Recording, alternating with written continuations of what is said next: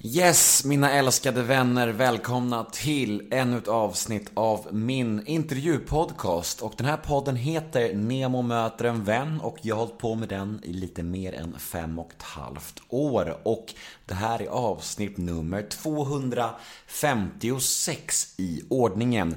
Och veckans gäst är ingen mindre än programledaren, radioprataren och komikern Kodjo Akolor. Och det är ju så här att ibland, vissa veckor, så släpper jag eh, avsnitt som man måste lyssna på via Podme.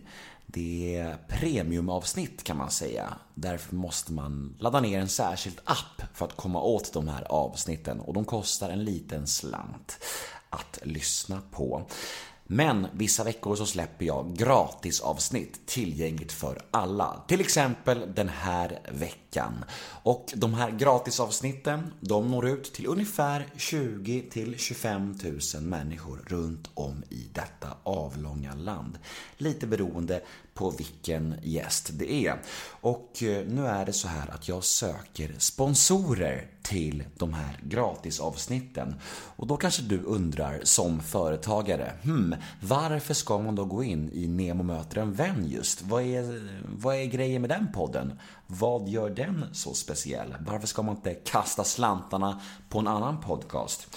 Jo, det ska jag nämligen förklara för dig. Det är nämligen ganska enkelt. Jag kan nämligen lova att det inte går att hitta någon annan podd i min storlek som det är lika billigt att sponsra. Och varför är det så kanske ni då undrar? Jo, eftersom att ett samarbete med mig sker direkt mellan mig och det eventuella företaget i fråga. Inga mellanhänder, och inga agenter som ska ha pengar eller byråer eller annat sånt där. Ni vet, folk som ska ha en bit av kakan. Det är mellan mig och företaget. Så ta nu tillvara på det här gyllene tillfället. Om du sitter på ett företag som vill nå ut till mycket folk och om ni är sugna på att testa poddvärlden så lovar jag att det inte finns något mer lukrativt och bättre förslag än detta. Hojta till mig på nemohedén gmail.com så tar vi det därifrån. Kodjo Akolor då, dagens gäst. En helt fantastisk människa vill jag säga. Han är otroligt sympatisk, glad och har en väldigt fin energi. Och det kände man verkligen när han gästade den här podden. Det var som att han tog med sig ett lass med positiv anda och, och smittade av sig det på mig. Och det var väldigt, väldigt härligt. Och jag hoppas det kommer höras ut i podden också så att ni också får ta del av den här härliga energin. Vill ni mig något så finns jag som sagt på gmail.com och ni får gärna följa mig på Instagram. Där heter jag kort och gott Nemo Hedén. Och den här podden klipps av Johan Frid. Nu ska jag sluta babbla. Nu drar vi igång det här kalaset, tycker jag. Nemo möter en vän avsnitt nummer 256. Gäst Kodjo Akolor. Rulla gingen.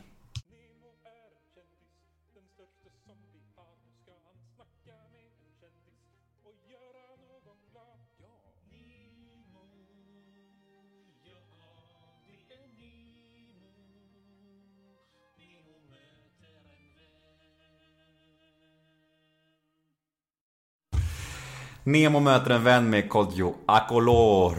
Stämmer. Yes. Det roliga är att jag sa till dig så här, fan, tränar du mycket eller? Mm. Vad svarade du då? Jag svarade nej, det är bara flera lager kläder och hållning. Smart ändå. Ja, men det är min hemlighet. Tips till alla där ute. Rak i ryggen, in med magen, ut med bröstet. Tre eller fyra par tröjor. Mm. Jävlar alltså, då, mm. där har man resultat. Då får man känna sig biffig. Ja. Folkbokförd som Kojo ja. What, what's that about? Uh, det är egentligen så mitt namn stavas, men när jag var liten så sa alla Kojo och uh, mina föräldrar är från Ghana och då pratar man engelska hemma och på engelska blir det Kojo. Eller om man säger det i Ghana så blir det Kojo. Um, så när jag började i skolan så sa alla Kojo och då var det som, fast mitt namn är inte Kojo utan det är Kodjo liksom. Mm. Sa jag till min lärare. Uh, och varpå min lärare var som en lägg till ett D så kommer folk kunna uttala det rätt. Och det hjälpte typ med att lägga till det liksom. För då blir det Kodjo, eller Kodjo. Eh, Men just det här det blev liksom så att det bara lät rätt. Och sen hade jag ju inte tänkt när jag var liksom 8-9 år gammal att det skulle vara ett namn som skulle dyka upp någonstans överhuvudtaget. Men så det är därför det ligger ett D med egentligen. Jag trodde det var ett stage name. Ja, men det, det är den jag har lekt med också. När jag fått den frågan. Man bara, men är det så här artistnamn? Man bara, ja, jag tog ut svängarna. Det var antingen Kodjo med D eller Taylor Swift. Men Ja, så kom ju Taylor precis. Swift och då kändes det dumt att liksom... Det fanns så jävla många Kojo liksom, Ja. så jag var tvungen att... Ja, jag, vill, jag ville bara hitta ett unikt tilltal på mig själv. Ja, precis. Det är väl väldigt inne nu å andra sidan. Andreas, som alla skriver om på Twitter, någon som heter Andreas Egiksson med J på både förnamn och efternamn. Men det är ju föräldrar som har försökt vara speciella. Ja. Det, det vet man ju. Det kan man ju se bara man ser så här hyllor i förskoleklasser. Att det, är så här, det är två läger. Det finns, det, gillar jag kallar, eh, det jag gillar att kalla eh, Madicken-generationen och eh, Matrix-generationen. Okej, Madicken-generationen, de har sån här, du vet, Sixten, Algot, eh, Alfons, eh, Ida, du vet sådana grejer. Och Neo-generationen har ju, du vet, Morpheus, Spurglart, Misbrut, Daenerys. Alltså, du vet, det är de. Som Khal Drago. Det är de två namnlägren som jag ser i vårt samhälle. Så nu vet ni att antingen är man en generation Madicken eller så är man generation Matrix. Det känns ju som det, du är helt inne på någonting där, det här med namnen på dagens kids. Att om man går och kollar på de här namnen på förskolan så är det ju som att folk vill ha Alltså, det finns en viss sorts människor som vill ha ett namn som är så jävla knasigt det bara går. Det här liksom eh, Pocahontas eller Askungen eller Diamant Third och så här, du vet, du vet. Och det känns som att när jag, eller fall när jag skaffade barn så ville jag ha ett namn på min dotter som inte var Alltså normalt, helt vanligt. Jag vill ju inte liksom ha så här Emma eller vad fan, Julia eller så här. Alltså, no offense till det, det är fina namn. Men, men alltså, man vill ha lite innovativt. Men man vill heller inte ha Pocahontas och Askungen och Diamond the third. Nej. Man vill hitta mitt emellan liksom. Så vad blev det då?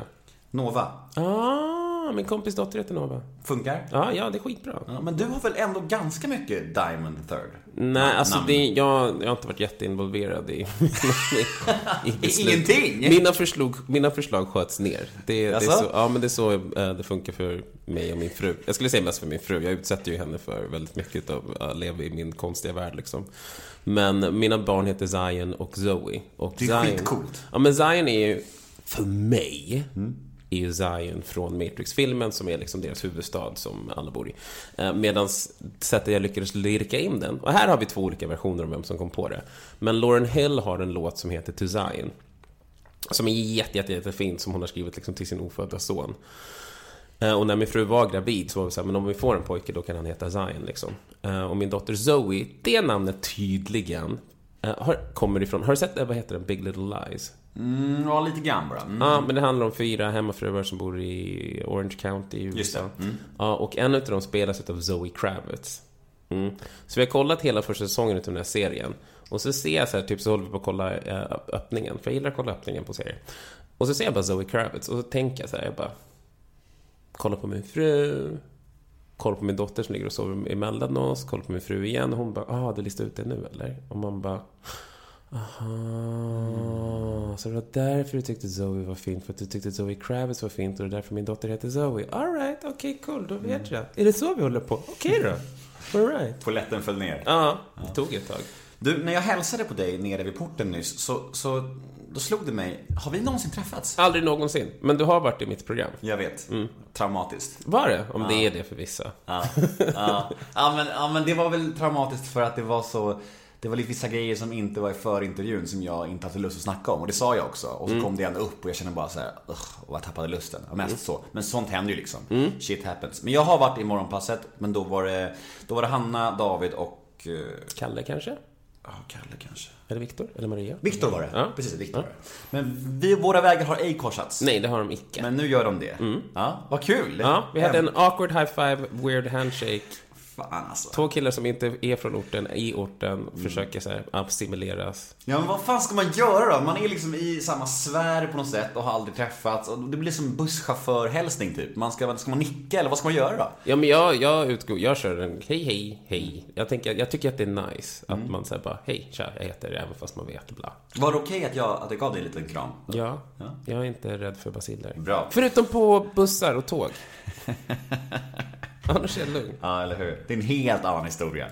Men du, eh, just nu, ute på en sväng runt om i Sverige. Just det, ja, stämmer. Just det, fan det visste jag inte. Men, eh, är det din första föreställning va? Det är min första teatermonolog. Är teater jag håller på med eh, nu för att testa någonting annat. Eh, så att ja, det är min första teatermonolog och eh, jag är ute på vift med den nu fram tills slutet på september. Tror jag att det är. Nej, Jo. slutet på oktober måste det vara. Oktober. Stämmer. Slutet på för oktober. nu är det ju september. Ja, men jag, alltså, men så här. Jag, jag, jag är en 24 timmars människa. Så jag, liksom, jag ser fram 24 timmar in i min dag. Det är så här, idag är jag här och sen är det blankt. Fram tills ikväll när jag säger, vad händer imorgon? Aha. Ingenting. Nice. Och sen, vad händer på torsdag? Just det, då ska jag vara i Karlstad. Så att jag, 24 timmar framåt jobbar jag. Du, du, du, du. Fan, jag älskar att jag fick rätta dig om ditt turnéschema. Ja, men alltså det är inte alls ovanligt. Det händer precis hela tiden. Men hur är, hur är upplevelsen av, av den här turnén då? Vad, vad har varit eh, underbart, vad har varit mindre underbart och ja, hel, Eh, helheten? Alltså, jag är ju precis i startgroparna utav turnén. Men... Men hela föreställningsarbetet då? Föreställningsarbetet var jävligt häftigt, måste jag säga. Ehm, för att vi hade ett originalmanus som eh, Bjarne Thorsson har skrivit.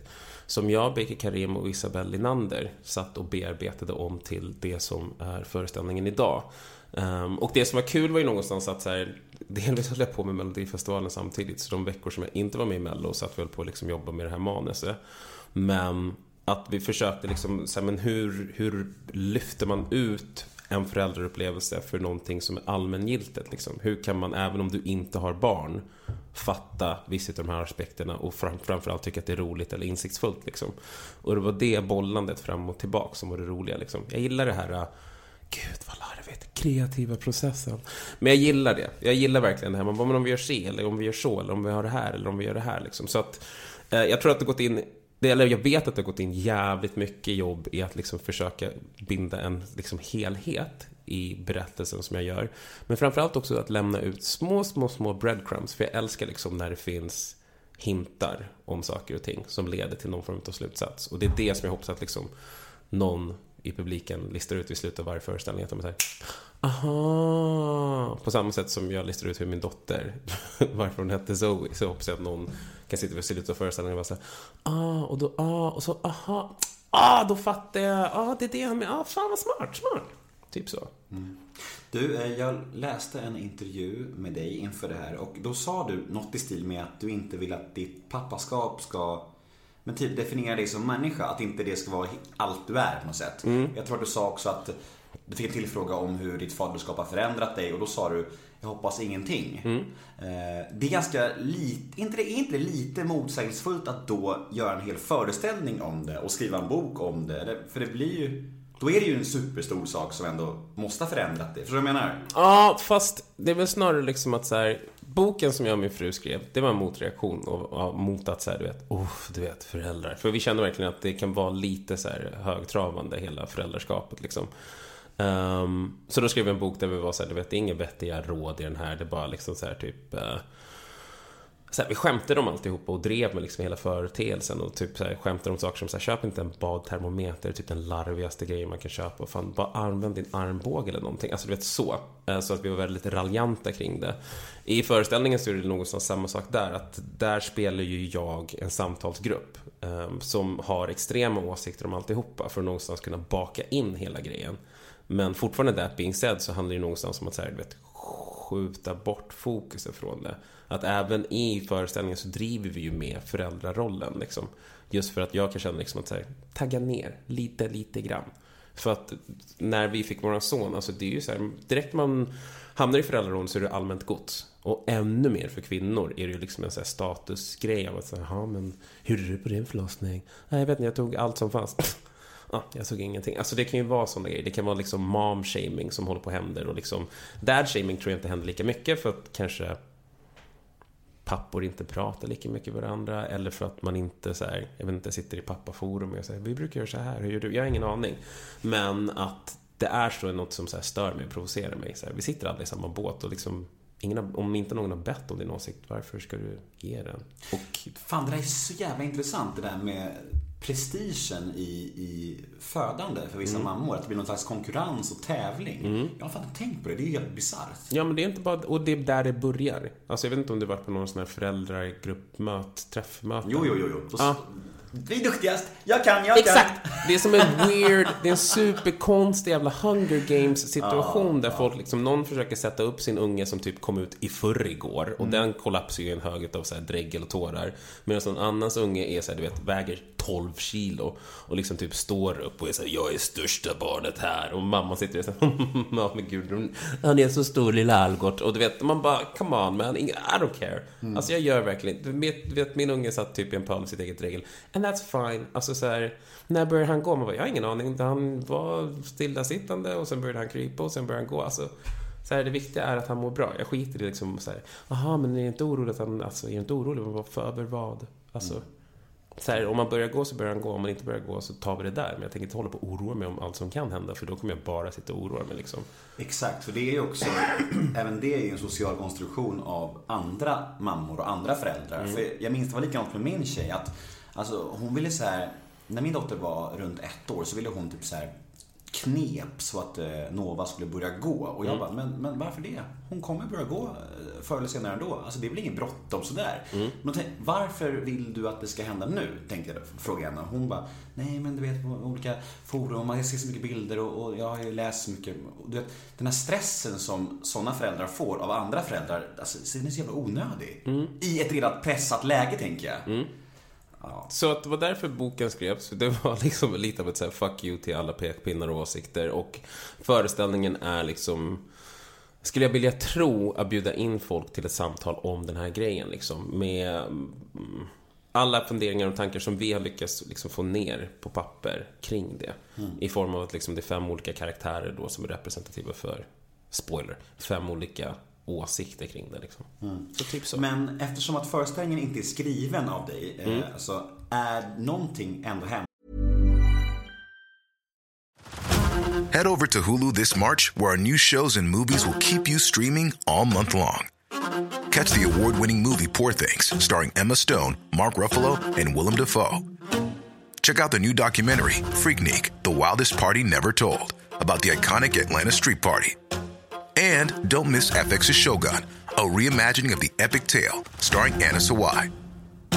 So, what are you waiting for? Go stream something new on Hulu. A lot can happen in three years, like a chatbot may be your new best friend. But what won't change? Needing health insurance. United Healthcare Tri Term Medical Plans, underwritten by Golden Rule Insurance Company, offer flexible, budget friendly coverage that lasts nearly three years in some states. Learn more at uh1.com. ur ditt liv. Förstår du vad jag menar? Ja, alltså i och med liksom, det är ju Bjarnes manus och vi har ju bearbetat om det för att ehm, vi kände liksom att det, här, det kanske finns flera röster i det här. Liksom att det finns en tydligare ehm, sätt att kunna liksom visa upp det på en scen. Och att det inte är långt ifrån för mig att liksom vara en karaktär på det sättet. Um, förlåt, nu glömde jag bort frågan. Nej, jag, jag frågade om, Mitt eftersom att du inte har regisserat det, finns det delar från dig ändå i själva föreställningen? Ja, ja, ja. Ehm, det gör det ju. Det finns ju små, kanske... Ja, men jag tror att alltihopa är en del utav någonting liksom från mig. Och från Baker, och från Isabelle, och från Bjarne som skrev det. Liksom, att man har liksom tagit fyra olika människor och liksom försökt skaka ur essenser utav saker och ting. Och där liksom Isabelle som inte har barn tyckte jag var så här, superviktig att ha med just för att säga, du har inte barn.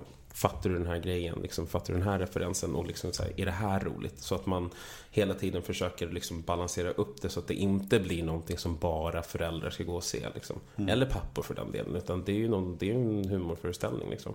Med en allvarlig ton och tanke och idé som jag hoppas liksom, folk förstår. Mm, cool. Eh, Gå och se den. Ja, om ni vill. Ja, om du vill. Eller stanna hemma. Ja, det kan ju också vara kul.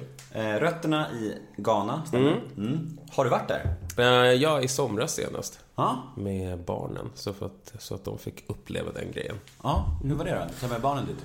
Uh, både och. Ehm, så här, på ett sätt häftigt, på ett annat sätt också att så här... för dem var det liksom inte lika mycket en grej som man hade velat att det skulle vara kanske. Att jag hade velat att de skulle vara så här, wow, Ghana, Afrika, gud, pappa, tack för att du tog med så att vi också för, förstår att vi har rötter från andra, och gud vad det här Men hur gamla är de? Sex och tre, och otacksamma. men, eh, nej, men så både och. Alltså, jag tror nog att det var häftigt för dem. Oj. Jag tror nog att det var häftigt för dem att få göra det bara för att komma bort och liksom få se någonting annat. Och det roligaste de hade var nog när vi var där min mamma kommer ifrån och fick träffa hennes familj och min morbror liksom tog med dem på hans moppe och han fick åka runt lite och min dotter fick liksom, de fick leka med andra barn där och liksom bara vara på ett sätt. Så jag tror att det var häftigt och de tyckte att det var väldigt kul. Och de fick se elefanter. Så bara där, årets pappa, jag vet inte. Ni får in rösta. Bara där, worth the while. Ja. Eh, Men hur hamnar man i Vallentuna slash Täby från Ghana? Eh, mina föräldrar, min pappa fick jobb här ehm, på Electrolux. Och då köpte han en lägenhet ute i Täby. Där jag växte upp först och sen skilde sig mina föräldrar. Och då flyttade vi till Vallentuna. För att eh, det var där min mamma hittade en lägenhet som var ganska billig som hon kunde ta lån för att köpa. Och sen så flyttade jag till Vallentuna när jag var typ sex. Bodde där tills jag var 23. Och så. Min fördom säger ju att eh, det inte kryllar av invandrare i Vallentuna och Täby. Det gjorde inte det då. eh, Men jag tror också att skillnaden, det stora grejen med Vallentuna för mig var ju liksom att så här, jag säger liksom vi, och när jag säger vi menar jag så här, alla som då ansågs vara invandrare, även om man var född här, så liksom räcker det med att du har en förälder som liksom inte är härifrån, för att man ska vara så här, en av dem. Men att vi blev en klump, vi klumpades ihop liksom, Eh, oavsett om det var att du hade föräldrar från Iran, eller i mitt fall från Ghana, eller en pappa från Portugal, eller liksom så här, så klumpades man ihop. Och sen kunde man ju självklart ha kompisar som var etnisk svensk, eller vad fan man nu ska säga, som liksom inte brydde sig eller någonting. Men att så här, utåt sett så var det alltid, man tillhörde liksom invandrargruppen. Tills man började känna folk och lära känna folk. Och de var så här, men gud, du är en av oss. Man bara, jag vet, det är helt sjukt. Ehm, så att på det sättet så är jag oerhört tacksam för det. För att jag hade liksom ingen aning om, vilket jag inte, jag inte tror att folk pratar så mycket om, just det här med liksom att det finns ju motsättningar inom, om man nu ska liksom hårdra det, invandrargruppen. Liksom att så här, det är inte en enda stor homogen grupp som kommer hit och säger nu ska vi ta alla jobb och vi ska ta alla era jobb, vi ska ta alla era kvinnor och sen vi ska ha sharia. Utan att det är så här motsättningar mellan olika grupper och det upplevde inte jag förrän jag faktiskt gick på typ eh, högskolan. Det var första gången som jag kom i kontakt med liksom, rasism från andra människor som liksom en etnisk svensk eller vad man nu ska säga liksom, och fördomar kring det. Så att jag levde ju i en bubbla. Vallentuna var liksom en bubbla att växa upp i där, visst, det är klart man var med om så här rasistiska saker och så här, saker som liksom folk sa eller tyckte eller frågade dumma jävla frågor liksom under hela ens uppväxt. Men att så här, jag tillhörde ändå den här gruppen utav, det var inte bara jag till slut, utan vi var en klick liksom efter lågstadiet och mellanstadiet. Framförallt i högstadiet. Där blev vi liksom en grupp tillsammans. Och sen kom man ut i den större världen och jag sa, aha, den här liksom gruppsammanhållningen finns inte i resten av världen.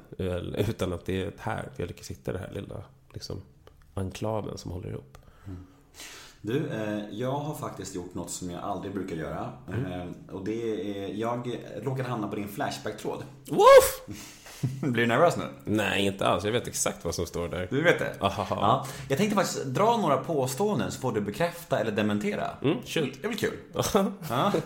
Fyra påståenden om Kodjo Akolor från Flashback. Ja. Vilken bra segmentnamn, eller hur? Ja, också känner direkt att säga, gud, det måste ha gått igenom mycket skit för att hitta några påståenden. Alltså. Eh, första Mm. lyder så här. Rökt fett mycket gräs. Stäm, stämmer icke tyvärr. Mm. Tyvärr gräs. säger jag också. Lite gräs. Nej, det har aldrig varit min grej. Nej. Okej, bra. Dementerat. Mm. Nummer två. Varit en jävel på karate. Jag vet inte om jag skulle säga en jävel. Men jag vann riksmästerskapen. Vilket var väl typ amatörmästare. Man kan säga att jag var amatörmästare i Sverige under ett år. Sen hoppade jag av. Hur mycket karate finns kvar i din kropp? Pytte, pyttelite. Det här var 15 år sedan. Mm. 14 år sedan? 15 år sedan? Ja, pytte, pyttelite. Inte mycket alls. Men du är förmodligen bättre på att försvara dig än jag om du blir rånad. Nej, jag springer bara. Okej. Så om inte det är din metod så då vinner jag, ja. Eh, Nummer tre. Mm. Det här går sig hand i hand med det vi just pratade om. Men eh, enda svarta i Vallentuna. Mm, ja. Nej, ja. Ja. Min brorsa var ju också med så han räknas ju. Mm. Din brorsa är faktiskt eh, nummer fyra här. Mhm. Hans brorsa är en riktig jävla profil där ute. Ja, jag vet inte riktigt vad det betyder. Men vad betyder det?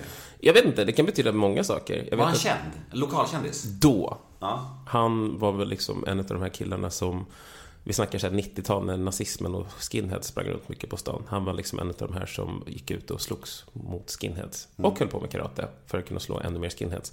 Ehm, så att ja, på det sättet kanske han var en profil. eh, och känd för en del, eller en generation som är därifrån. Att säga, just, just det, den snubben som liksom ingen kunde säga en ordet till utan att åka på spö.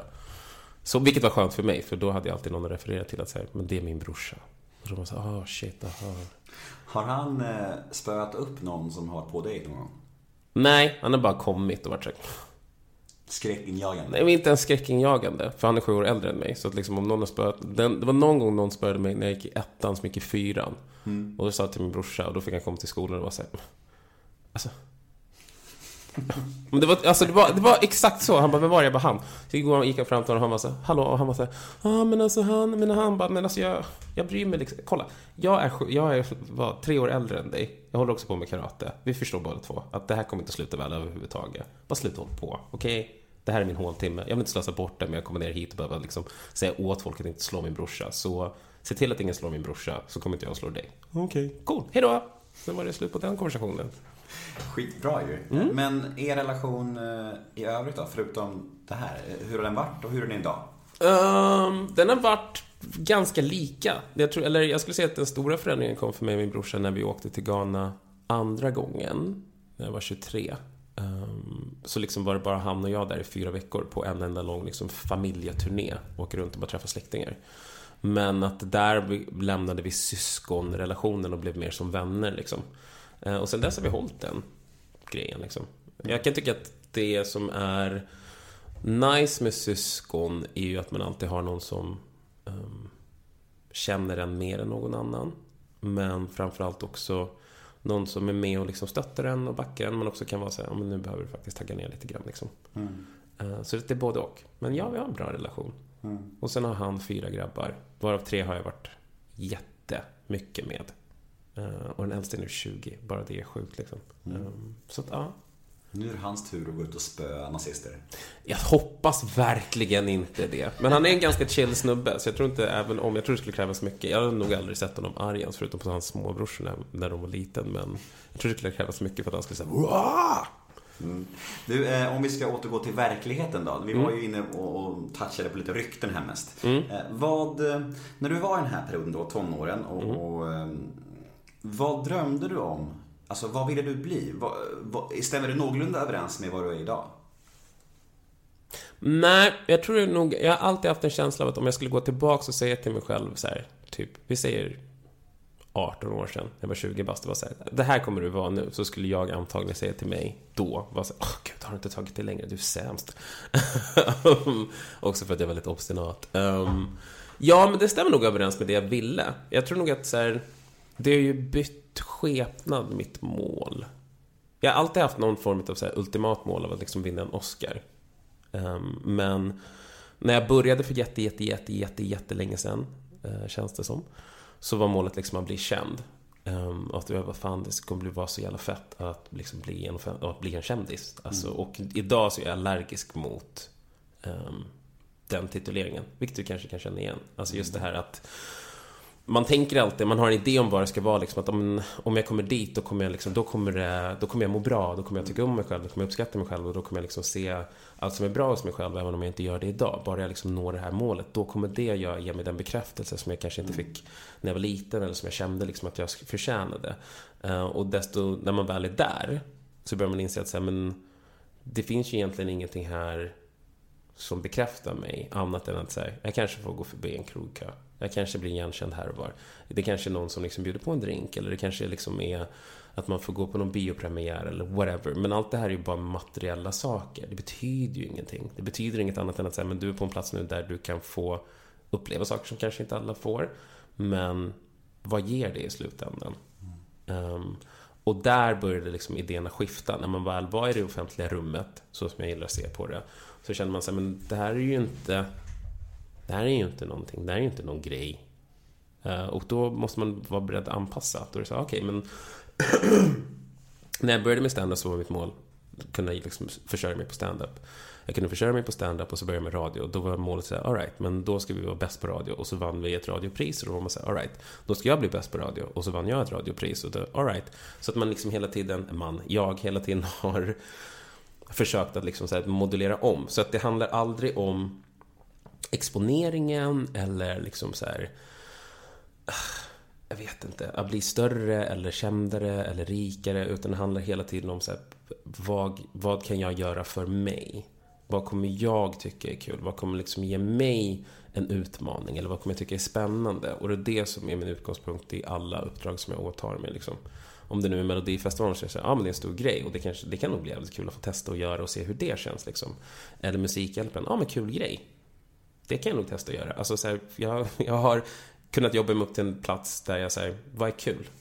Så här, för jag måste ha kul. Om inte jag har kul så kan jag inte le, låtsas att det är roligt och så ska det på något sätt gå igenom rutan eller mikrofonen när jag pratar, utan det måste vara kul. För att jag ska kunna liksom smitta av mig med den glädjen eller euforin med det jag håller på med. Mm. Jag tror att det är jävligt viktigt det där att verkligen inventera sina motiv i varför man gör saker. Mm. För, att, för att annars blir det som du är inne på, det här om man är en människa som har någon slags inre tomrum och, och, vill lösa det genom yttre faktorer, alltså då tror jag att det är farligt med just det här kändisskapet som bara är kändisskap. Jag tror mm. verkligen det kan vara förödande. Alltså det, så var det ju, jag trodde ju liksom, för tio, för tio år sedan trodde jag att till exempel att om jag är med i Kungen av Tylösand så kommer jag bli lycklig för då kommer jag bli känd. Det var min hela inställning. Jag var mm. helt säker på det. Och sen när jag väl stod där så var det bara som att det här tomrummet bara, här, bara växte i mig. Och när kändisskapet dalade, då bara växte det ännu mer. Mm. Och det är det som jag tror händer. Jag tror att just att det här att den här jag tror att det känns i sin kropp att något, något yttre kan laga ett inre tomrum. Man, man, man är övertygad om det för att det känns så. Mm. Men det är ju aldrig så och det vet ju alla som har försökt. Ja, men jag tror inte ens att det behöver handla om kändisskap som det kan handla om butik, eller betyg, eller det kan handla om träning, eller det kan handla om mat, eller sex. det kan handla om sex, eller det kan handla om sprit, eller det kan handla om den här nya motorcykeln, eller den nya iPhonen, eller liksom den senaste, fan jag, skorna eller väskan. Att så två saker. Nummer ett, om du nu har någon form av hål i dig själv eller någonting som du känner saknas. Um, det enda sättet liksom är att försöka, tror jag, ta reda på vad det är, är att faktiskt gå in i det. Vad handlar det om egentligen? Och nummer två. Man kanske, man kanske bara kan vara lite tom, eller? Det kanske man kan låta sig själv vara. Man bara, jag behöver inte vara fulländad. Jag behöver liksom inte ha en konstant pågående inre frid i mig själv. Utan så här, jag kan vara orolig ibland. Jag kan ha lite ångest ibland. Jag kan även ta en dag, vet du, jag ska ta en dag idag och bara må dåligt. Och det kanske också kan vara okej. Okay. Det kanske inte behöver vara liksom att så här, jag måste hitta liksom den här inre balansen. Balansen kanske är en obalans. Det kanske är att du mår bra och du mår dåligt ibland. Du, ingen mår bra precis hela tiden. Jag är fan inte ens det. Jag har extrema så här, ångestdippar där jag går djupt in i mig själv och bara sitter och stirrar in i en vägg. Men då är jag där. And it's fine. Jag kan vara där. Det är okej. Okay. Jag behöver liksom inte, gud, nu måste jag ta mig ur det här på något sätt. Utan nej, men jag kan bara vara här och sen när det är dags att ta sig ur så tar man sig väl ur liksom. Mm. Med det sagt så liksom vill jag inte så här förenkla alltihopa, men jag tror att det finns skalor och nivåer i det här där folk kan skala upp sin problematik mer än vad det kanske behöver bli, eller vara. Medan det finns de som kanske skalar ner det och så blir det en större sak än vad det egentligen behöver vara. Men liksom, jag tror att man, som du säger, man måste börja kunna titta in i det där mörkret och se vad fan det är för något som är där och inte vara rädd för det. Liksom. Mm. Mm. Du, eh, genombrottet. ja. När kände du i ditt liv, har du något sånt vägskäl eller genombrott där du kände att fan, nu tar det snurr? Nej, jag brukar tänka på det som typ trappsteg. Alltså, nu klev jag upp ett trappsteg. Um, när jag började hålla på med radio, eller med radio, är ju definitivt ett trappsteg. Men det första var sen när jag började hålla på med stand-up. Det var så oj, klick, nu är man någonstans. Uh, och sen så fick jag jobb på fyran, klick, nu är jag någonstans. Jobb på radion, ha, klick, nu är jag någonstans. Och sen, efter det har det väl bara tuffat på lite grann. Jag har inte... Jag tror inte själv att jag sett på det som ett stort genombrott lika mycket som det vinklades liksom när jag väl gjorde min första TV-grej. Men... Um, för mig handlar det väl återigen, alltså jag tänker, jag, jag har nog mer av ett... Hur ska man fan formulera det här? min ambition står i vägen för min lättja. alright? Jag vill sitta hemma egentligen. Men då och då så får jag för mig att jag vill göra grejer, typ som teater eller kanske pitcha en tv-serie eller um, jobba så framför kameran med någonting eller bakom kameran med någonting. Och då måste jag göra det och få det ur systemet för att kunna sen återgå till att sitta hemma igen tills jag får sug på någonting annat. Men... Det låter jag... som en annan version av det här att man ska förtjäna någon slags... Eh, att man ska träna först och sen dricka öl och sådana där grejer. Exakt, ja men, ja, men jag, det kanske är så. Jag är nog en nollsummespelsmänniska. Jag brukar säga det på mitt gym där jag tränar så att jag tränar inte här för att utvecklas, utan jag tränar bara för att bibehålla. Och det är väl mm. någonstans min, det är väl där jag är mentalt. Det är att så här, ja, jag hade ett genombrott för 11 år sedan, men jag höll ju på tre år innan någon ens visste vem jag var. Och för mig var det egentligen första genombrottet första gången jag faktiskt ställde mig där. Det är ju den viktigaste, absolut viktigaste eh, handlingen jag har gjort. För att det har gett allt annat, men det var det där första, första, första steget av att liksom söka mig till det som jag faktiskt trodde att jag kunde hålla på med eller ville hålla på med som var det stora grejen. Och sen allt annat efter det har bara varit så här, ah coolt, alright, ah coolt, alright, ah coolt, alright. Men det svåraste är det första steget. Men om vi ska snacka lite stand-up då. Mm. Eh, vad... Eh, att bomba inom stand-up, för mm. de som inte vet, det är när det är knäpptyst va? Japp, mums. Ja, det har väl hänt de flesta tänker jag. Mm. Ja. Om man bombar mm. som etablerad komiker, som du ändå är, mm. eh, finns det alltid nödskämt som man kan gå tillbaka till för, för att fixa det? Eller, eller är det så att när man bombar så är det kört? Nej, det är klart att man kan liksom så här, tappa bollen. Men det är väl det som utgör någon form av, ger någon form av erfarenhet. Att du kan faktiskt plocka upp den igen. Mm. Men sen också måste man ha en fingertoppskänsla. Ibland finns det lägen där så här, gå inte ens in i det här. Alltså man måste kunna veta sin egen så här, förmåga. Liksom att så här, vissa situationer har uppstått där man är så här, mm, nej. Nej, eller jag kanske bara går upp och snackar med folk i fem minuter, sen går jag av liksom. Men generellt sett så liksom hela bomba-grejen, det är bara, det är bara en erfarenhetssak. Mm. Och också en tidsmarkör för en komiker av vart du är i din karriär. Alla bombar och det är där som någonstans avgör om du kommer fortsätta eller om du lägger av. För att det är en horribel upplevelse. Men det är också en total upplevelse. Alltså att man bombar är inte bara att ett skämt inte flöger. Det händer. Utan det är snarare att inga skämt har flugit under de tre, fyra, fem minuterna du har stått där. Liksom. Mm. Att du bara står och gräver liksom ett djupare och djupare hål utav misär som alla står och kollar och säger Gud, jag önskar att det var kul, men det är liksom inte kul. Mm, jag tycker så synd om det. Oh, Gud, det måste vara hemskt att stå där när vi alla kollektivt tycker att det är hemskt. Men hur är det? Fy fan, det låter, jag får ångest av att höra det där bara. Mm. Men hur är det då om, om vi säger så här att du skriver, skriver nytt material mm. och du har kommit på ett skämt som du tycker är liksom 5 plus. Mm. I ditt huvud är det så här, det här kan liksom riva vilket rum som helst. Sen provar du det en gång och det flyger inte. Du provar igen, det flyger inte. Mm. Och det, liksom, det flyger inte i rummet. Fast du tycker att det är det roligaste du har skrivit. Då får man släppa det. Ja. Är det så? Mm. Ba, ba, ba. Kill your darlings. Ja, vi är alla här idag för att säga hej då till ett skämt som publiken var för dum för att förstå. Gud, jag hatar er. Mm. Nej, men man måste släppa det. Och vissa skämt, de blir aldrig färdiga. Jag har ett skämt som jag liksom, jag har ingen slutknorr på det och det är så här, det är synd, för att det känns som att det finns där någonstans. Men ja, det får väl komma när det kommer, I guess. Mm. Men det är ju så här, jag, jag är väldigt organisk i min kreativa process. Um, så att mina skämt handlar inte... Jag är inte en sån som sitter och skriver ner skämt, utan jag upplever saker och så twistar jag det. Och så pratar jag om det. Typ till nära och kära och kompisar. Tips om du är någon ung komiker som sitter och lyssnar.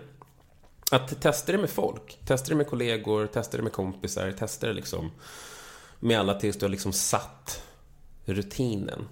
Där liksom din berättelse eller anekdot, för det är så jag är. Jag är inte så här, um, en kille gick in i en bar, utan jag berättar liksom anekdoter, tycker jag väl ändå, typ. Uh, och när du har satt din anekdot, då kan du gå upp på en scen och vara så här, det här hände, ha kul, ja jag vet. Och sen någonstans på scen, har man tur, så kommer någon form av inspirationsvåg och då blir det en till knorr på det. Och så kan det växa tills den är klar, eller vissa skämt fortsätter växa och blir större och större och vissa är bara liksom en liten grej. Så det är väldigt så här, varierat. Jag har liksom inte någon så här, stringens i sättet det skapas, utan så här, jag har en känsla av att det är kul och då går jag och pratar med folk om det. De tycker att det är kul. Då går jag och testar inför en publik. De tycker att det är kul och så går man vidare med det. Liksom. Mm. Alternativt, man testar inför en publik. De tycker inte att det är kul och man är så ah ja. Det är, alltså, det är en, jag vill inte säga en helt vetenskap, men det är väldigt mycket klippa och klistra. Det är väldigt mycket så här, ja men det blev fel för att jag glömde bort just den här frasen som leder till den här grejen som gör att det blir roligt för den här anledningen. Liksom. Så att jag brukar spela in varje gång jag uppträder. Så sitter man bara och lyssnar igenom alltihopa. Och när jag sitter och lyssnar så kanske jag kommer på något annat som man kan göra eller något annat som var roligt. Och så sitter man och håller på och så här, pillar med det själv. Mm. Ja, det är fan intressant alltså. Det är intressant att lyssna på komiker när de pratar om stand-up för då, för det låter så jävla seriöst. Och det, det, jag tvivlar inte på att det är det, men det blir så mycket mer, alltså det är så mycket som du säger, det är verkligen så här strategi. Mer än vad man förstår. Ja. På något sätt. Så det är spännande. Eh, det känns ju som att otroligt mycket har hänt för dig senaste året med, ja men mello, egen show, sommarprat, att det liksom bara tuffar på nu. Ja. Eh, Nemo möter en vän. ja, I done made it mamma. Fy fan, han skrattade alltså. Vi avbryter här. Tack för, tack för idag. Tack, tack för att jag fick med. Tack, tack. Nej men, eh, av de här grejerna då. Eh, vad har varit liksom störst? Har någon av de här varit på din liksom bucket list? Har du känt så här, fan jag vill verkligen sommarprata? Eller mello? Var, var det en dröm som du ville prova någon gång? Mello kändes, uh, det var ju självklart något som man ville göra. Um, lika mycket som sommarprat var något som, man ville, som jag ville göra. Um, men det är någonting med när det väl är gjort som är lite bitterljuvt. Att så här, det är soft när man, eller soft och soft, men jävligt mycket när man är i det. Men sen när man väl är ur det, då är man såhär, jaha. Ja, ja, det var det då. Tom? Inte tom lika mycket som sådär eller, jag brukar väl ha någon period av så här, ah, alright, ja, då var det klart. Och sen så verkar nu den generella uppfattningen vara att jag är extremt upptagen och jobbar jävligt mycket. Vilket jag inte gör.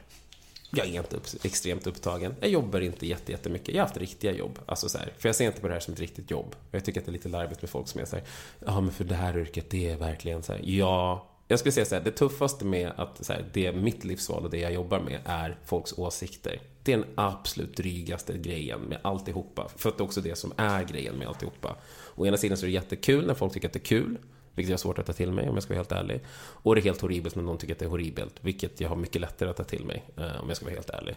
Och det är det som jag tycker är jobbiga med alltihopa. Men annars är det bara liksom att säga, vad fan. Mitt jobb går ut på att liksom antingen komma på saker som är kul. Eller på något sätt stå på en scen och liksom förmedla att nu kommer en person som ska göra en sak. Och efter den här personen gjort den här saken så kommer en annan person och ska göra en sak. Och sitta in i kameran medan jag gör det och så ler jag lite grann och så går jag vidare. It's not a real job man.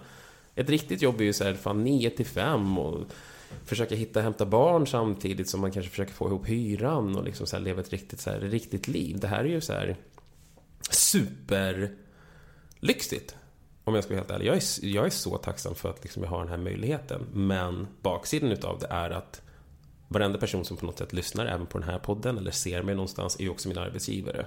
Och sekunden ni, dem, er tycker så här, mm, mm, ah, eller? Ah, då kanske min resa är slut liksom. Så att det, det det är de grejerna och för mig så har jag ju alltid haft de här ambitionerna men det handlar hela tiden om att säga, men okej, okay, när jag bockat av det här, vad blir nästa grej då? Och det är det jag håller på att jobba på nu. Så här, vad är nästa grej? Det var skönt och kul att få göra sommarpratet, det var kul att få göra Melodifestivalen. Men när det är klart, då är det klart. Mm. Så alright. Vad är nästa grej då? Det är väl nästan härligare att längta efter någonting och se fram emot någonting än, än, än stunden efter. Ja, eller nej, jag är jävligt bra på avslut. Mm. Alltså extremt bra på avslut. Alltså jag, jag, jag, jag, jag flög av scenen när vi sa tack och hej för mig. Flög av scenen och den känslan älskar jag. Jag älskar liksom när man har haft en målsättning och går i mål med det. Det är det som är min målbild. Min målbild är att gå i mål. Mm. Det är inte liksom så här, okej, okay, så nu ska vi göra Melodifestivalen, man bara nice. Och om tre och en halv månad, då är det klart. Och då kommer det kännas så jävla nice. Och det är den känslan som jag gillar. Jag gillar liksom att här, påbörja någonting, men jag gillar framförallt att avsluta någonting och bara mm! och leva på den känslan ett tag. Och sen så sätter jag mig ner, går djupt in i mig själv, har någon form av att gud, jag är så värdelös, jag är världens sämsta människa, jag är så jävla dålig, gud, jag är inte värd någonting. Jag måste göra någonting annat, annars kommer jag bara sitta här och liksom tycka att jag är världens sämsta påse skit som någonsin existerar på jorden. Och då så sätter jag mig upp och så börjar jag fundera på, okej, okay, men vad är nästa grej då? Mm, men det låter ändå som att du är ganska skör när det kommer till folks åsikter om dig. Mm. Har det förändrats genom åren? Alltså nu kontra för sig tio år sedan. Folks kritik och sådär och sociala medier, kommentarer. Är det lika jobbigt idag som för ja, fem, tio år sedan? Nej, alltså Rasisterna kommer alltid vara där. De är liksom min eviga svans. Så it's fine. Alltså man får ta det för vad det är. Det är klart jag kan bli, jag kan bli irriterad på när folk är ignoranta. Det är en sak som jag kan bli såhär, man bara, men kan du inte bara sluta vara dum? Och om du ska vara dum, varför måste jag få höra på det? Förstår du vad jag menar? Det är så här, varför, så här, och det är också som jag försöker liksom, det andra sidan utav det här jobbet är att så här, men vadå, det var ju det du ville. Man bara, ingen har någonsin gått in i ett jobb och tänkt liksom så här, alltså oavsett om du sitter och lyssnar, oavsett vad du gör. Tänk dig att där du är just nu och lyssnar på det här och gör det du gör, så kommer hon in och säger jag tycker du är sämst, bara så att du vet. Och så går de därifrån. Man är så här, va? Men, va? Aha? Men, aha? Ingen, ingen vill det. Ingen är sugen på det när man går in i den här grejen överhuvudtaget. Men konsensus är någonstans att säga, för att du jobbar i offentligheten så får du också räkna med det. Och det gör man ärligt talat inte förrän man är där. Så att negativa kommentarer, om de är konstruktiva, kan vara säga, ah, fair point. Men det är väldigt extremt sällan det är det. Mm. Ofta säger jag, ja men du är sämst. Man bara, okej. Okay. Mm. Tack, ha en bra dag. Lycka till med livet, tja. Men nu har vi ändå betat av ett gäng ganska tunga grejer som du har fått göra. Framförallt på senaste året, men överhuvudtaget. Vad har du kvar då? Vad, är, vad har du kvar som mål och drömmar i ja, men, yrkeslivet då? Jag skulle vilja vinna ett par kristaller. Ett par också? Mm. Mm, fem kanske? Nej, tre känns som en bra helig siffra. um, jag skulle vilja vinna ett par kristaller. Jag skulle vilja ha någon guldbagge. Oscarn är, min, det är mitt stående Just det. Mm. greatest achievement. Um, förutom mina barn. nej men, um, ja, nej, men det är väl typ det. Nu handlar det mest om att så här, jag, har, jag har någon idé om att jag skulle vilja kanske öppna upp lite i media-Sverige. Röra om i grytan. För jag känner att det är väldigt samma lika alltihopa. Hur menar du med öppna upp? Um, ja, men det känns som att så här, Det är samma lika. Alltså så här, det är samma lika. Det är så här, ja men... Här är en ny serie om... Uh, så här, hur svenskar bodde på typ tidigt 1900-tal, strax efter första världskriget. Det heter Vår tid nu och det handlar om så här, svenskar då. Man bara, coolt. Ja, men här är en serie som handlar om svenskar som bor i typ Saltsjöbaden och de är rika och någon är fattig, jag har aldrig sett serien och den heter Solsidan. Man bara, all right. Här är en serie som handlar om svenskar, de bor i Danderyd men de har pengar och så finns det en knarklangare. Han är svart, men så blir det... Alltså, så här, det känns lite som man bara, fast... Så här, vad fan det är ganska lika, det är ganska monokromt mm. uh, i min bransch. Och det är något som jag känner så här, eller? Vad fan? Men vad kan du göra åt det, tänker du? Det är ju det som är frågan. och det är där jag känner att jag måste röra om i grytan lite grann. Mm. Uh, skaka lite träd, ta lite möten och se så här, men fan, kan, man, kan man göra något åt det här? Eller ska det fortsätta vara så här? Um, så att det är väl det som jag känner är här, nästa grej, kanske. Mm. Vi ska leka en lek som heter nu ska vi se om jag klarar av det här ordet. Associationsleken. Bra! Tack. Ja, du vet, det har gått lång tid sedan kungen av Tylösand. Mm. jag säger ett ord mm. och så får du helt enkelt utveckla dina tankar och känslor kring det ordet. Mm. Vad som händer i ditt huvud när jag säger ordet. All right. Är du med? Yes. Första ordet lyder pengar. Mm, fan, det, var, det, det är synd att det behövs. Det är jättesynd. Jag önskar att man inte behövde pengar för att klara sig. Det, det är det första jag tänker på. Hur mycket ska jag utveckla det? Jag är radpratare, jag kan utveckla det i en timme. Du får prata i en minut eller en kvart. Ja, men jag skulle säga att här, spontant känns det som att det är så jävla synd att det behövs. Det är så jävla synd att det finns på ett sätt. Och det är också framförallt synd att det är någonting som jag tror hämmar oss mer än det hjälper oss kollektivt. Gud, jag låter flummig. Men, jag känner verkligen att pengar är ett nödvändigt ont i våran värld och eh, jag tror att vi skulle må bättre utan det. Mm. Bra. Ångest. Ångesten är min vän, vi brukar ses då och då. Tja, hur är läget? Jo tack, det är bra. Vad gör du ångest? Ingenting. Ska vi chilla lite grann? Absolut, en vecka eller ja, vi kan sätta oss ner och käka lite ostbågar och dricka läsk. Fan vad nice! Så är ångesten. Mm. Ångesten och jag, vi ses då och då. Hänger, brukar jag tröstäta en calzone, uh, lufttorkade ostbågar och två liter juice. Mm. Då, är det, då är det dags att tycka synd om Kodjo. För, eh, för mig så är ju du liksom, jag menar alltså man tänker på dig så tänker man på glädje. Mm. Det jag tror många känner likadant. Att Mm. Du liksom utstrålar ofta glädje och positiv energi och sådär. Därför blir man nyfiken på när det blir mörkt liksom. Mm, när jag ger för mycket. Eh, om jag gör för mycket. Om jag här, jobbar för mycket med för många saker. Eller nej, då var det också faktiskt ganska lugnt. Den, för de gånger som här, jag kan tydligt minnas så här, så här, all right, nu har man en dipp. Det var varenda gång man var klar med Musikhjälpen. Då hade jag så här, två dagar ute och så bara ehm, PTSD, typ. Att man bara, man är bara blank. Man är bara ett blankt blad i två dagar. Vilket blev svårare och svårare ehm, tills man fick barn och var så här, uff, det finns liksom inte utrymme för mig här. Att bara så här, pappa kan inte byta din blöja för pappa behöver gå in i sig själv i två dagar innan han kan komma ut igen och vara normal. Så att, uh, lycka till. Men det var väl det som var en av anledningarna till att jag var så här, jag, jag är klar liksom. Det här, Ja, det är ju jävla fin medicin mot ångest, alltså Mm. barn. Det måste man ändå säga. Att Man kommer ju ur sig själv på ett sätt som var omöjligt innan. Ja, fast både ja och nej. För mig, bör- jag är också en sån som, det är samma sak som nu senast med Mello, att jag behöver i alla fall, liksom, nu var det en så här pågående grej. Men efter varje program så behövde jag liksom bara sitta ner. Jag behöver sitta ner och bara processa. I mitt huvud att jag går igenom... Jag vet inte varför. Men jag behöver gå igenom hela min dag. Fram tills jag sitter där jag sitter. Innan jag kan säga alright, och sen kan jag gå ut igen. För att när jag är närvarande i någonting så är jag bara i det. Och kör på. Och sen när jag kommer ut på andra sidan då behöver jag säga alright, så vad har jag gjort nu? Och sen du, du, du, du, du, du, du. Typ så. Kände du Erik Sadde innan? Nej. Nej. Men vi hade en proper bromance. Och, och idag så mässar ni varandra med roliga skärmdumpar och så. Ja, giffar och emojis och grejer. Ja. I can only imagine. Eh, Nästa ord på den här lilla listan lyder eh, USA. Um, läskigt. Har varit där en hel del. Jag brukar alltid tänka att så här, det skulle vara det absolut högsta målet. Att liksom göra en karriär där. Nu, i efterhand, så känns det som att så här, det skulle nog bara vara ännu en hållplats i resan som jag gillar att kalla mitt liv. men ja, så USA för mig är... eh, ja, men det är en hållplats. Det skulle vara fett att få göra någonting där. Mer, mest, mest, om jag ska vara helt ärlig, bara för att kunna säga till alla som inte trodde på mig. Typ så. Barn. Jag har två stycken. de finns. De gillar mig ibland och de hatar mig ibland. Och det är fine. Politik. Ah, Gud, finns det något tråkigare? Ja, men det är seriöst. Det är superduper tråkigt. Jag, jag sugs ju in i det här jävla... "Ha, nu- har de här åkt på Bindefelds resa och det här känns det som Trump sa och det här håller på att hända i Ukraina. Men samtidigt är det så här, fan jag bryr mig egentligen inte. Jag önskar att jag hade lyxen att inte bry mig. Så känner jag kring politik. Men tyvärr så måste man det idag.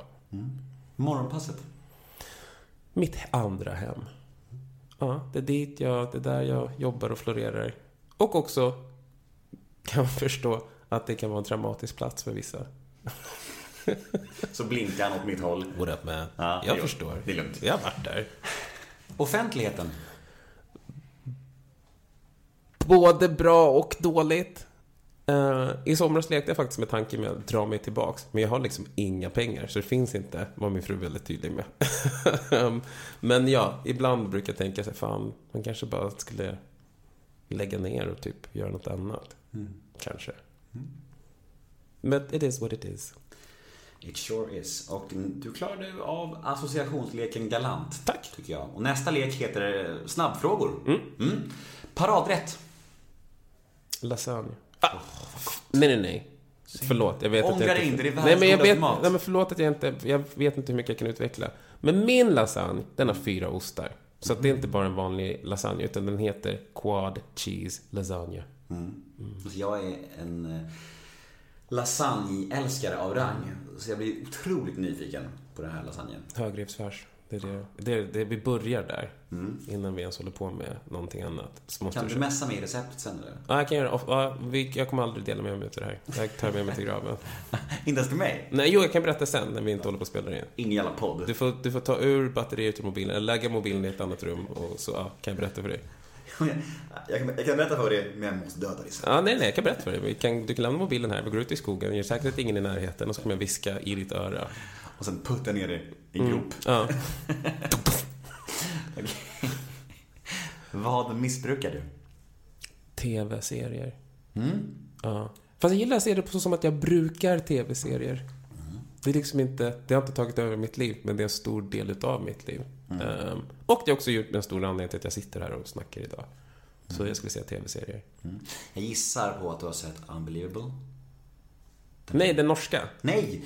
Unbelievable är Ja, den på Netflix, den nya. Exakt. Ja, nej, inte än. Den är on my, on my list. En lite metoo-inspirerad eh, tv-serie. Mm. Jag skulle säga fyra och ett halvt plus. Oh, wow. Mm. Väldigt, väldigt bra. Ja, men den, efter jag kollat färdigt Terrace House så ska jag kolla den. och Bill Gates-grejen. Och sen den. Ja. Lång lista. Ja. Alltså du skulle dö om jag berättade vilka serier som jag inte har sett.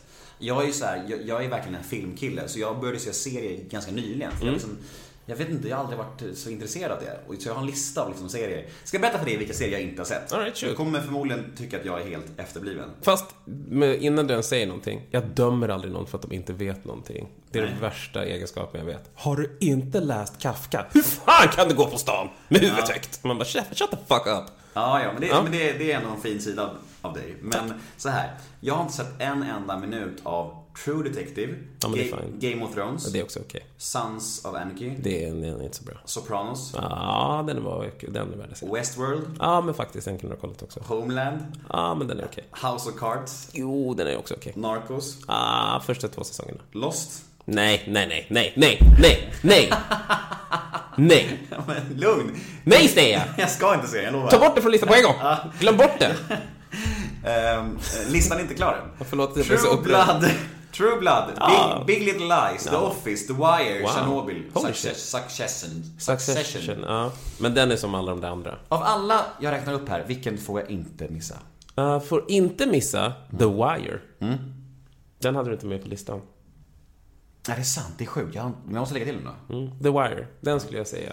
Är det bästa av alla? Alltså, om man får vara lite pretentiös. Jag skulle säga mainstream tv-serie, absolut. Om du skulle fråga mig en sci-fi-serie som du absolut inte ska missa, då skulle jag säga Battlestar Galactica. Men det kanske inte är din grej, så det är inte värt att kolla på. Nej, det är inte min grej. Nej. Ja, vi går vidare på eh, snabbfrågorna. Nästa fråga lyder så här. Vad kommer du aldrig förstå dig på att andra människor älskar? Att tro att jorden är platt. What the entire fuck? Vad är det för... Alltså... Va? Jag, förs- jag, jag, liksom, jag, kan inte, jag försökte kolla på en dokumentär på Netflix, förlåt det är snabbfrågor. Okej. Jag försökte kolla på en dokumentär på Netflix och jag satt och skrek åt TVn efter så fem minuter. Jag tror vi klarade av en kvart, sen var min fru såhär, alltså du kommer väcka barnen. Man bara, okej, jag blir så frustrerad. Det måste väl finnas viktigare saker att foka på än att jorden är platt. Det och rasism. I den ordningen. Jag har lättare att förstå en nazist än en människa som tror att jorden är platt. Dumma jävel. Båda dumma i och för sig. Frågan var i och för sig, vad kommer du aldrig förstå dig på att folk älskar? Jaha. Ja, Okej, men då säger jag nazism. Ja, men det är bra. Jag kommer aldrig förstå varför det, varför man är så fan, Jag nazism. älskar nazism! Ja, Jag, bara, jag brinner för nazism. Ja. ja, nästa fråga. Vilken egenskap hos dig själv föraktar du mest? Gud, det är en väldigt lång lista. Men jag tror väl att det, det jag tror den egenskap som jag föraktar hos mig själv, mitt för självförakt, såklart. Det, det gillar jag inte. Jag gillar inte mig själv så mycket. Men jag har lärt mig att acceptera det. Vad spenderar du pengar på? Mat.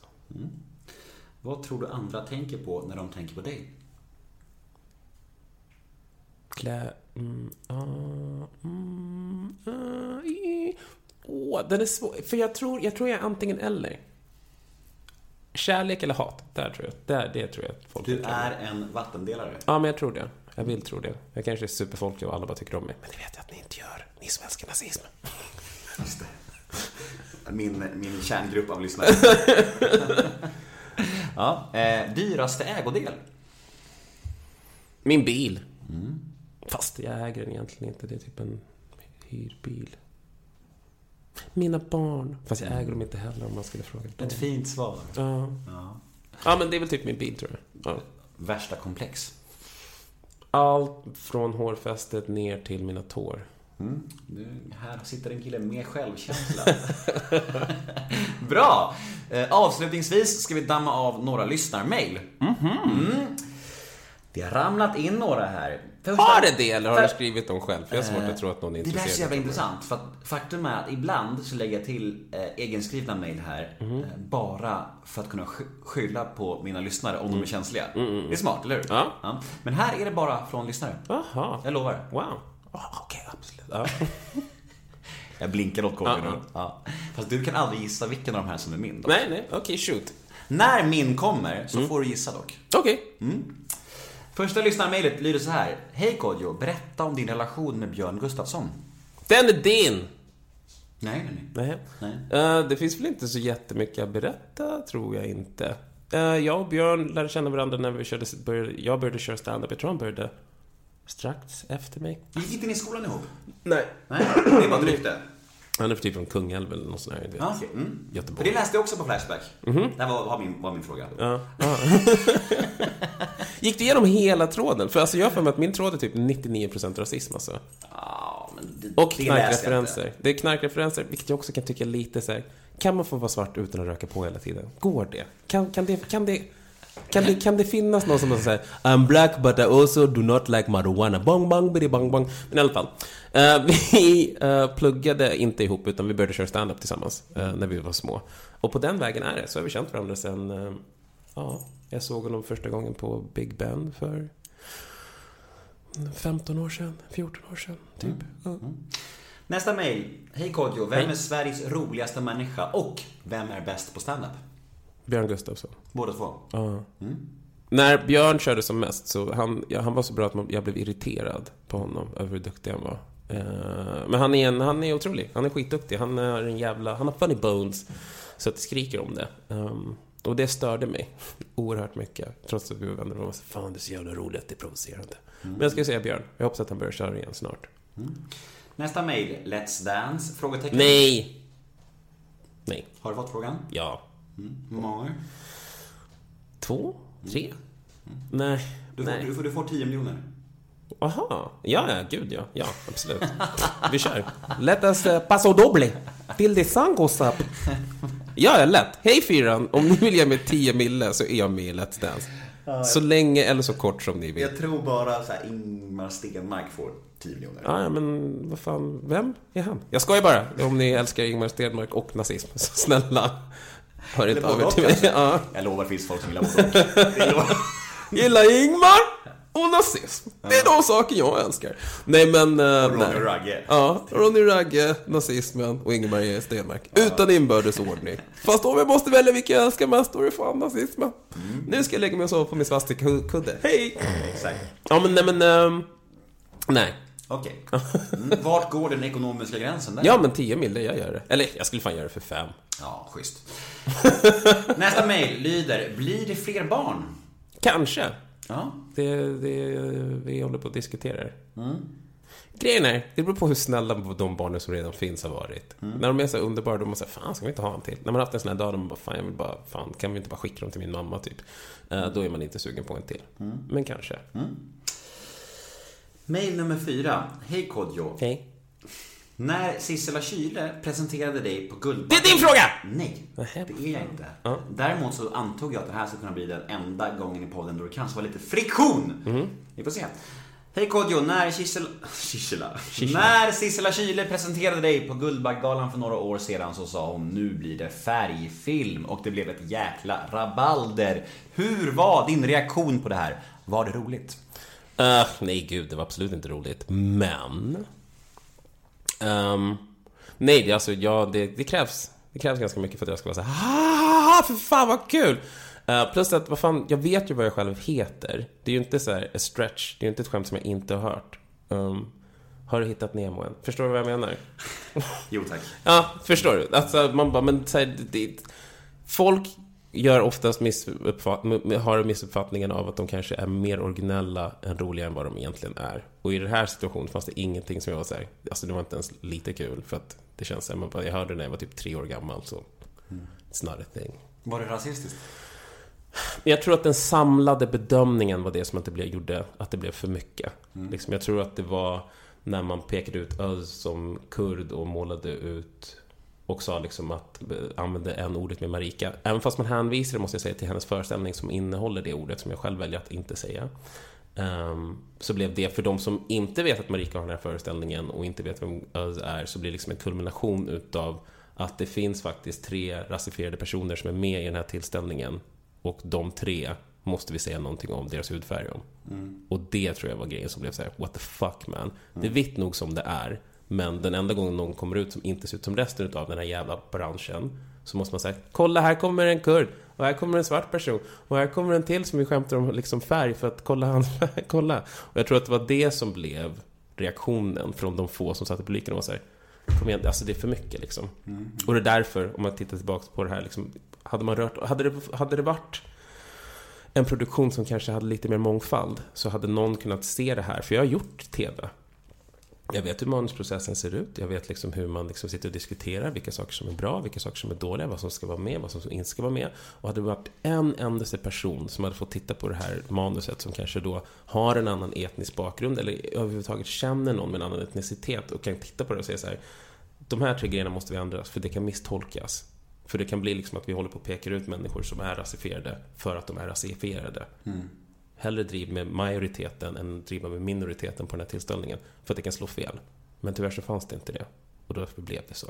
Och det var det jag tror att det handlade om mer än att jag blev symbolen för att så här, det var rasistiskt och kränkande. Man var nej, nej, nej. Det var inte det. Och jag tror inte det var det någon sa heller. Utan det är så här, det var bara tre personer där som inte var vita. Och alla de tre behövde vi liksom så här, kolla, kolla. Och då blir det en grej. Och det tror jag skulle blivit i vilken annan situation som helst. Kände du någon ilska eller besvikelse på Sissela? Absolut inte. Varför ska jag göra det för? Vad fan, alltså så här, Jag lägger ingen skuld på henne, jag lägger ingen skuld på liksom manusförfattare. Jag kan tycka att det borde ha funnits någon i produktionen som kunde liksom så här sett över det här och varit så här, mm, jag vet inte.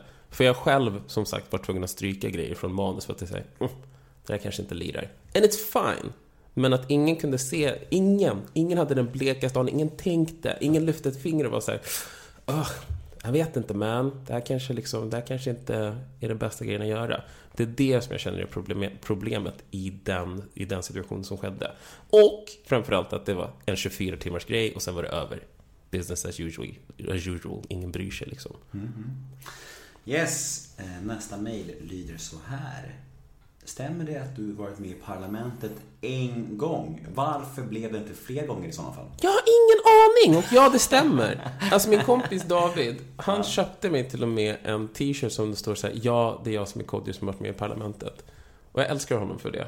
Och jag har bara haft på mig den en gång, för jag var bara med en gång. Sen vet jag fan vad som hände. David Druid. Ja, han kom, han kom, han kom jag tror det var han och Björn som kom och kollade på när jag skulle liksom göra min premiär. De mötte upp mig efteråt och var såhär, yeah, oh, parlamentet. Men gick det inget bra? Jag vet inte, jag tyckte väl att jag var ganska rolig. Det var i och för sig ett jävligt tufft gäng att sitta med. Ja, ja. Vilka var det? Mm, Henrik Hjält, Johan Glans och... ehm, eh, åh, eh, ehm, ah, fan vad dumt. Jag hoppas att du inte lyssnar, för jag kommer inte ihåg. Var det Henrik Hjält ens? Jo, men Johan Glans, Henrik Hjält. Ja, men en... Tornving? Nej. Grotesco. Eh, Dorsin? Ja, Henrik Dorsin. Henrik Hjält, Johan Glans och Henrik Dorsin satt jag med. Så att det var lite... Inte alls grabbigt. Men inte bara, men det är också, det här är vad är det, tio år sedan, så att Ja. det var så tv såg ut då. Det var ju det, sjukt nog. Ja. Ja. Men att det, det, det var verkligen så här, um, man stod mentalt och bara... Så att det var lite tufft. Men ja, det var den gången. Men som sagt, fyran, om ni vill att jag är med i parlamentet, skicka en check, fem miljoner, I'm down. Fem miljoner för Parlamentet, 10 miljoner Let's ja. Du, eh, vi börjar bli klara. Är det sant? Mm, hur känns det? Ja, det känns bra. Vilken var din fråga? Eh, ska jag avslöja det? Ja, får jag gissa? Ja, visst. Är det.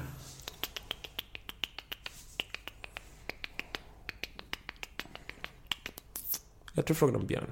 Mm, du har rätt. Var det? Men det skulle du sagt oavsett vilken fråga jag hade tagit. Nej, faktum är att jag läste på Flashback att du gick i samma skola som Björn. Så jag skrev en fråga baserat på det. Aha, nej. Men han är från Göteborg. Ah, ja, men Ja. jag visste också det, men det var därför jag blev så förvirrad. Men, men det stod det och jag tänkte, ja men jag gör en fråga på det. Mm. Cool. Ja, då tycker jag att eh, vi ska säga åt våra kära lyssnare att eh, alla får fan gå och se föreställning.